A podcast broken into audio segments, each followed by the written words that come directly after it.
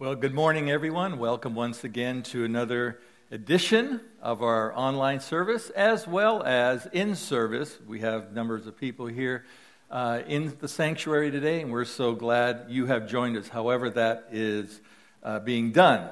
Today, we begin a new series on the book of Acts. And this study will open the door I believe, of a new life, a new adventure. It's going to be a long series where as we move our way through the book of Acts. And it will alter the way I think how we see your life in our world today. Unfortunately, the book of Acts can easily be looked upon as a geography lesson or a historical account. But when that happens, when you read it from that kind of historical perspective, what begins to happen is the events in the book of Acts turn into a formula or somehow a museum or some religious rite. People, unfortunately, also look at the book of Acts as somehow of, of a blueprint of how the church should operate. I have literally have heard many people say over the years, we want to be like the first century church. Look what they did. We need to become like that as well. Can I encourage you and listen very carefully to this? The book of Acts is not a formula, it's not a religious rite, it's not some kind of a historical or geographical uh, perspective. In fact, the book of Acts is a living, breathing environment. It's the progressive evolution of the Word of God through a dynamic church. And we, today, in our century, we are encouraged to intersect with what and how God operated back then.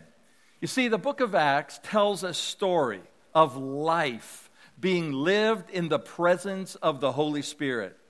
It shows us what happened, and it's inviting us as people to join in. It's inviting the church in the 21st century to participate, join in with what God is doing today. And so when we study the book of Acts, we need to be reminded once again that the book of Acts is an invitation to engage what is taking place right now. It's about the present. It's about what we are living in today. Right now, wherever you are at right now, you can experience the power and the presence of the book of Acts. And we could potentially go into, as we go into the days ahead, we need to understand what the book of Acts is describing for us. There is for us today a powerful new life that can be lived in the power of the Holy Spirit. And what the book of Acts, you need to understand this, reveals to us is that the Holy Spirit has come. The Holy Spirit joins humankind. The Holy Spirit inhabits the place that we inhabit. He joins us in today's life.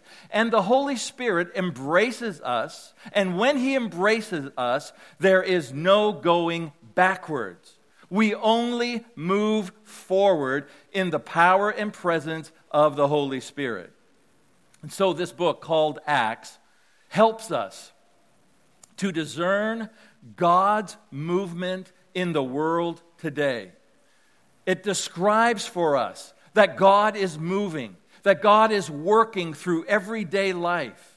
He is in the midst of our struggles. He is in the midst of our pain, joy, and laughter. It reveals to us God's agenda. Yes, God has an agenda. God's agenda through the book of Acts is God inviting every follower of Jesus Christ to join together with Him with what He is doing. And when you and I decide, when you and I decide to engage and to participate in what God is doing through the power of the Holy Spirit, it opens up for us a whole new venue of opportunities. But can I tell you this also? That joining up with God is also dangerous. Now, not dangerous in the sense that we are imperiled. No, dangerous in the sense that your world and my world will be turned upside down. Because when you view what happened after the resurrection of Jesus, there is a mind boggling speed of how the gospel spread throughout the then known world. Christianity in the very first century spread in a dynamic fashion. It was like a fire out of control. And literally, from one region to the next region, from one city to the next city, wherever this outpouring of the Holy Spirit occurred, it revolutionized the culture of that place and it infested all of society. A glimpse of what I'm talking about is found in Acts chapter 16, ver, ver, uh, Acts chapter 17, excuse me, verse 6 and verse 7. And the story in, in uh, Acts chapter 17 is where Paul is in Thessalonica and he's preaching the message of Jesus. And there was a riotous crowd that gathered in front of the home of Jason, where Paul was staying. And in this uprising, this riot, where people are claiming that Paul and Silas are causing trouble and stirring up the city and disturbing the citizens of the city, look how verse 6 describes this danger that I'm referring to. Acts chapter 17, verse 6. Notice these words. Not finding them there, they dragged out Jason and some other believers instead and took them before the city council. Paul and Silas, they said, have caused trouble all over the world. They shouted, and now they are disturbing our city too. Verse 7. And Jason has welcomed them into his home, and they are, they are all guilty of treason against Caesar. Now, notice this. For they profess allegiance to another king named Jesus. So, in these two verses, literally, the message of Jesus that these rioters are referring to is this message that has disrupted their lives. It was spreading like a pandemic. This message of Jesus changed and caused change and flipped things around to the point that people were uncomfortable with the message of Christ. Now, I personally happen to believe that if the church today, if our church today leans into the dynamic power of the Holy Spirit, we also would see events transpire as occurred throughout the book of Acts. So, as we make our way, as we study this incredible book, we will be on a journey, not just reading it but hopefully in our day and age, experiencing the power that is contained in the book of Acts. We are going to follow God. We are going to follow Jesus. We are going to see how He moves on the ground in everyday life. And we're going to meet with Him. We're going to witness. We are going to see His presence displayed in a powerful way. But in order for us to understand Acts, we need to, we need to begin in the book of Luke. We need to understand there is something significant that begins immediately following the resurrection of Jesus. You see, the book of Acts doesn't just pop up out of nowhere. No, there was a progression in the story. The story progressed and it transpired and it began in the book of Luke, in the very last chapter in the book of Luke. Maybe you knew this, and, or maybe you didn't, but Luke not only wrote the Gospel of Luke, but he also wrote the book of Acts. Unfortunately, when they compiled the Bible, they put the Gospel of John in between Luke and Acts. But the Gospel of Luke, to many scholars, and the, and the book of Acts, are a continuous volume. It's a continuous story. The Gospel of Luke describes the things that Jesus did prior to the resurrection, and the account in the book of Acts describes the things that happened after the resurrection. It's this before and after scenario. And since the book of Acts is birth in the aftermath of the crucifixion of Jesus, the moments immediately after the resurrection are connected to the book of Acts, even though the events happened in Luke chapter 24. In other words, what I'm trying to describe for you today is the introduction to Acts, the prologue to the book of Acts, is actually found in Luke chapter 24. Notice what it says. Here's where it begins in verse 13 and verse 14 of Luke chapter 24. That same day, this is after the resurrection, the same day, two of Jesus' followers were walking to the village of Emmaus, seven miles or 11 kilometers from Jerusalem. And as they walked along, they were talking about everything that had happened. Verse 15. And as they talked and discussed these things, Jesus himself suddenly came and began walking with them. But God kept them from recognizing him. Verse 17. And he asked them, What are you discussing so intently as you walk along? They stopped short, sadness written across their faces. Two people among many walking from Jerusalem to Emmaus. But they're not random people because a little bit earlier, one of them, named Cleopas, was named Cleopas. And many scholars believe that the other person with Cleopas was Mary, the wife of Cleopas, who was mentioned earlier in the crucifixion story and perhaps was even present at the cross. So these two people are walking, probably husband and wife. They're walking from Jerusalem back to their home after the Passover, having witnessed the dramatic events of the previous three days. They are sad, they're despondent, they're depressed, they're discouraged, they're bewildered at what had happened, and they're talking amongst themselves what had transpired in Jerusalem. And as the text indicates that we read a few moments ago, Jesus is listening. And Jesus is walking along the same road and he's listening incognito. And these people didn't recognize who Jesus was. And he hears their conversation and he simply asks, What are you talking about? What are you discussing so intently? And scripture says indicates very strongly it says, they stopped short. In other words, they literally stopped in their tracks. Essentially, they immediately stopped walking. And as you read the account a little bit later on, Cleopas literally asks, Jesus, where have you been? Don't you, have you, haven't you been in Jerusalem? Don't you know about what just happened? Don't you know it's everyone is talking about it? And if, as you read the account a little bit further on, Jesus engages in a conversation with these two disciples of his, and Jesus asks them, Tell me more. And they begin to explain the events of Jesus' death. And with their explanation, look at this in verse 21 we get a glimpse into their world.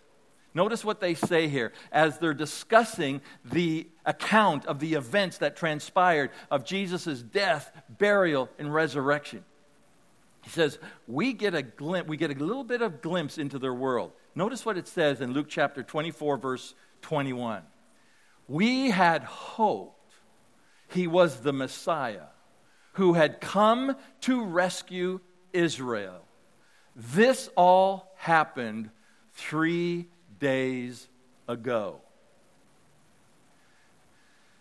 Now, I want you to notice that as these two disciples, perhaps husband and wife, as they explain their experience of these incredible events, it opens up for us a glimpse of what their world is all about we see here in this one verse a statement that unleashes an incredible dimension. Notice what they said. We had hoped. We had hoped that Jesus was the one who could redeem us. We had hoped. We had hoped. This, this this phrase, these three words, this phrase, we had hope, is a powerful phrase that unleashes an understanding of what their dreams and their expectations may have been. We had hoped. Essentially, it's talking about that these disciples had desires, they had hopes, they thought things would change in their world and environment, they thought things would be different in the days ahead. And it seems that as they are walking, they are living and they are experiencing doubt inside of them, perhaps lots of questions. There is this despondency about the future. We had hope, and they're walking and they're talking and, and, and, and they're experiencing and discussing things that they had experienced. Their life is not going to be the same anymore. It's similar to when we in our day and age, in our life, when things go sideways, our dreams are not, don't come to fruition, expectations that we had hoped for are dashed, things that we were planning for are not fulfilled, and stuff happens in our life that we didn't anticipate or expect. And we start asking God questions God, what are you doing? God, what are you up to? Don't you see my situation? Don't you see my circumstance? Who will take care of us? Will you take care of us? Am I wrong to trust in you, Lord? Does anybody, God, do you even care about my life and what I am going through? We had hopes. We had dreams. We had expectations and desires, and now they are unfulfilled. And we're asking ourselves, now what? We're no different than these disciples on the Emmaus Road. In living life, my friends, we are not immune to stuff. I, do I dare even to remind us that our world is not a friendly place? We experience pandemics, there's war, disease, upheaval. And I would assume that most of us have experienced negative things in our lives that have been mind life altering effects to us. And to the point to, to the point where we prayed hoping that things would turn out different. Maybe some of you here who are watching today, maybe some people of you would say, Nothing turned out the way I had expected. We had hoped.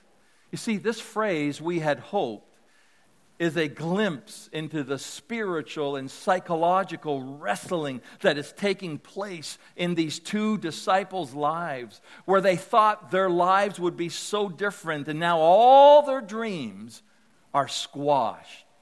In this one single point, this one single point reveals something very powerful that we can easily miss.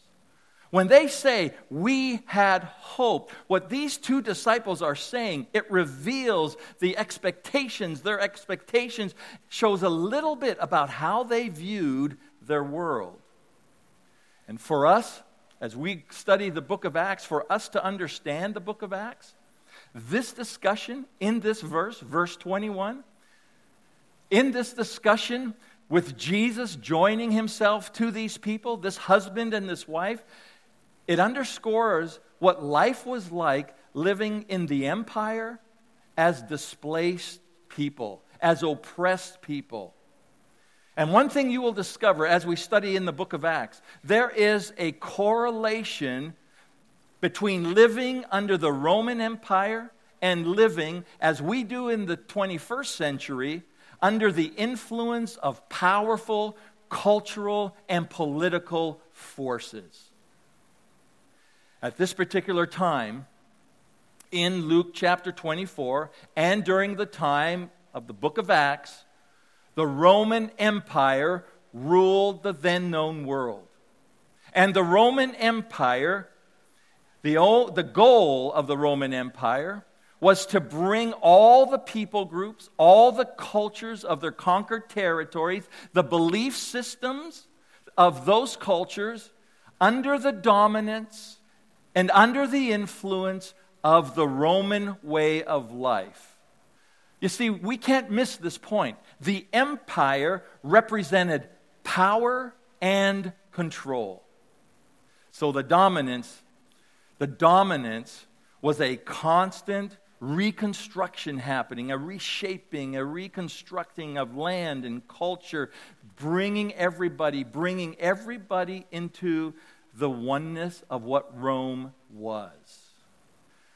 And even though Rome allowed for diversity and it allowed for cultural beliefs and norms to continue among people groups, as long as their life pattern didn't threaten the empire, you could do whatever you want. However, if you undermined the peace and the strength and the law of the empire, the empire would come down harshly on anybody. So, so for these disciples and for the people of Israel, living under such dominance created a life of fear and hopelessness. That's why these two disciples said, We had hoped. It's this idea that Jesus was going to come into the world. It was, he was going to loose them from the oppression and the bondage. He was going to release them from their religious freedoms being curtailed. And the book of Acts, we see that the people of Israel have also been scattered among the nations. They were oppressed, they were spread out. They were exiled people, refugees, losing everything they had and what they were known by. So, this is what we need to understand. Even in this one simple verse of Luke chapter 24, when these disciples said, We had hope, they are describing life among the Gentiles. They're describing life among home, uh, Roman occupation. They're describing fear and questions, disappointment and skepticism. And for a little while, while Jesus was on the earth, there was this glimmer of hope that a deliverer was going to bring a kingdom that was promised to them. But now, all their hopes were dashed with the deliverer being crucified and the oppressors ruling heavily in Jerusalem. So when you read this story, you catch this incredible environment that these disciples are in. An environment that was toxic, an environment where hate filled the air, where there was violence and where trust had been eroded. And perhaps these disciples, and in this description, these, these disciples are living with this classification that they are enemies of the empire. They are people that are tolerated until something they say or something they do that upsets the empire, and they are afraid that the empire is going to press down on them. So, friends, as you look at this phrase, we had hope you see people who are living under incredible suppression. There is lots of loss loss of home, loss of land, loss of hope, loss of future, loss of freedom due, due to all this external pressure from the empire. We had hoped. We had hope. But what this phrase also signifies, and what the book of Acts is also about, is that these people, after the crucifixion and resurrection of Jesus, these people also had faith. The book of Acts is about the faith of people.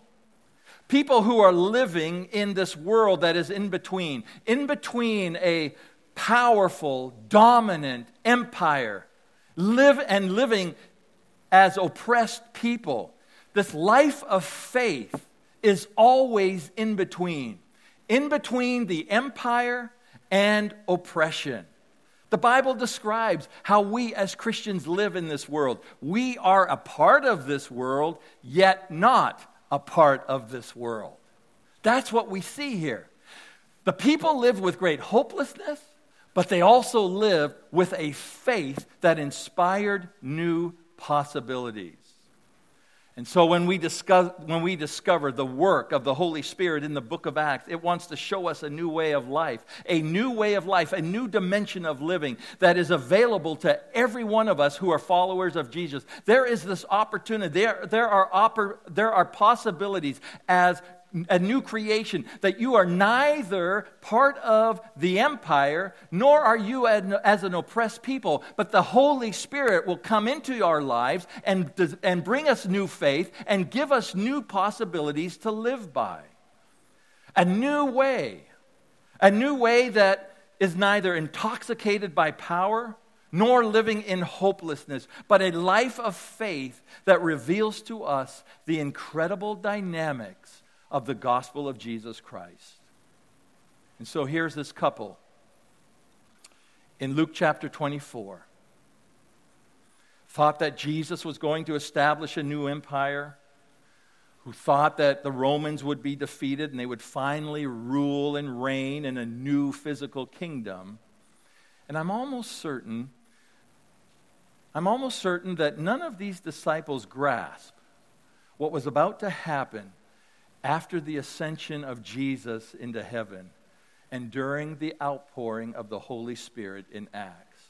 I'm almost certain that these disciples could not have grasped that their faith in God and their faith in Jesus was going to inspire some new possibilities. We go back to the story in Luke chapter 24, and Jesus walks with them, the Bible says, for 11 kilometers. They invite him to supper. Jesus reveals himself and invites them to these new possibilities. And look what Luke chapter 24, verse 27 says. Look at these words. Then Jesus took them through the writings of Moses and all the prophets, explaining from all the scriptures the things concerning him. Verse 33 and verse 34. And within the hour, they were on their way back to Jerusalem, where they found the 11 disciples and the others who had gathered with them and who said, The Lord has really risen. He appeared to Peter. Now, notice this. They had just finished walking 11 kilometers, seven miles. They hear Jesus explain after dinner, after supper, he reveals himself. Immediately, these two disciples get up from the table and walk back 11 kilometers back to Jerusalem.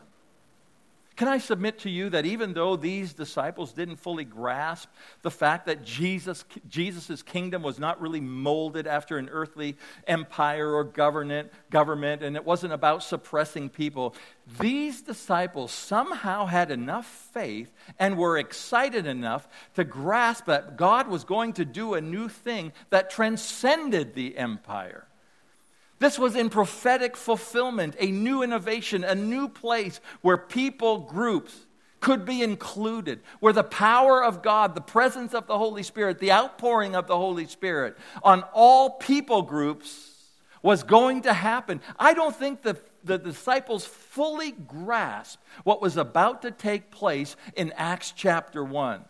A new place, a new beginning, where all people groups could be included no matter where they came from, no matter who they were, regardless of their race or ethnicity, there was going to be a outpouring and an ingathering as such the world had never seen before.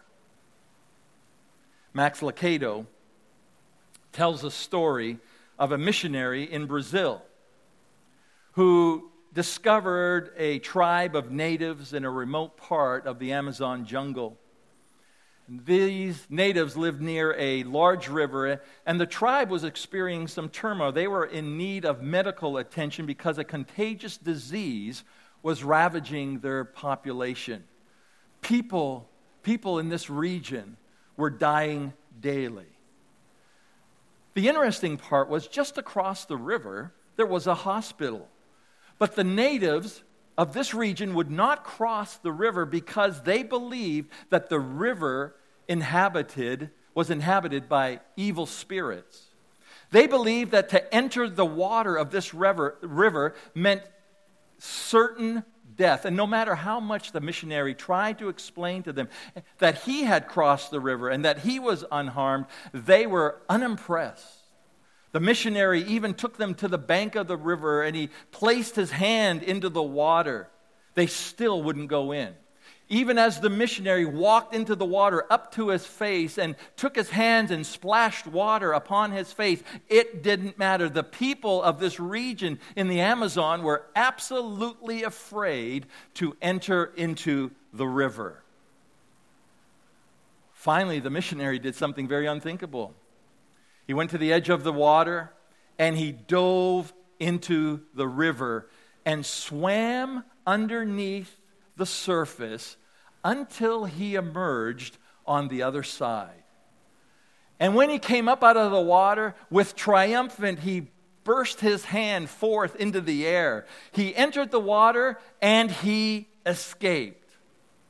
It was then, at that moment, that the natives broke into a cheer and went across and followed him across the river. That's exactly what Jesus did. Jesus entered the river of death and he came up on the other side. And when you and I follow him in faith, there are all kinds of new possibilities. And the book of Acts, the offer to all of us in the book of Acts will be this Are you ready to plunge into a life of new possibilities? Are you ready to engage? This is the question the book of Acts will demand of all of us. Are you ready to engage into a new dynamic that could literally and totally recalibrate and change your life? That's the question. Are you ready to take a plunge? Are you ready to be inspired to engage a new dynamic, the new possibilities that are available to us, that the book of Acts will show us happens when we walk in the power and are filled in the presence of God's Holy Spirit? Whatever and wherever your life is right now, my friends,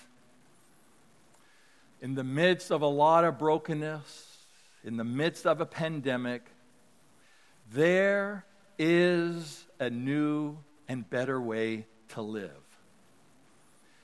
And Jesus is offering to you and to me the opportunity to see God work through us through us in a fresh, dynamic way that will change your environment. It will change the environment of the church. It will change the environment of our cities. It will change the environment of our country if we allow the possibilities of the Holy Spirit to be demonstrated in our lives. So, as we study the book of Acts, chapter 1 next week, I hope you will embrace this new way that God is inviting us to participate with Him. As we study the book of Acts and the dynamics and the work of the Holy Spirit, I hope that you will be you will take this invitation of the Lord and join with God and what He is doing in the world today. Let's pray together. Heavenly Father, I pray today that we would seriously consider, all of us, whether in this sanctuary or those who are watching via the online service, Lord, that we would, all of us, all of us,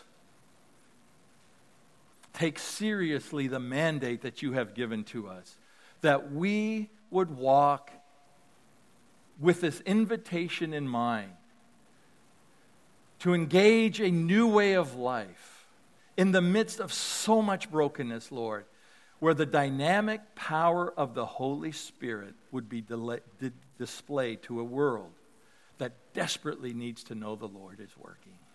Father, help us, help all of us to embrace that. In Jesus' name I pray. Amen and amen. Hope you can join us again next week as we dive into Acts chapter 1. We look forward to it look forward in inviting you to join us as well.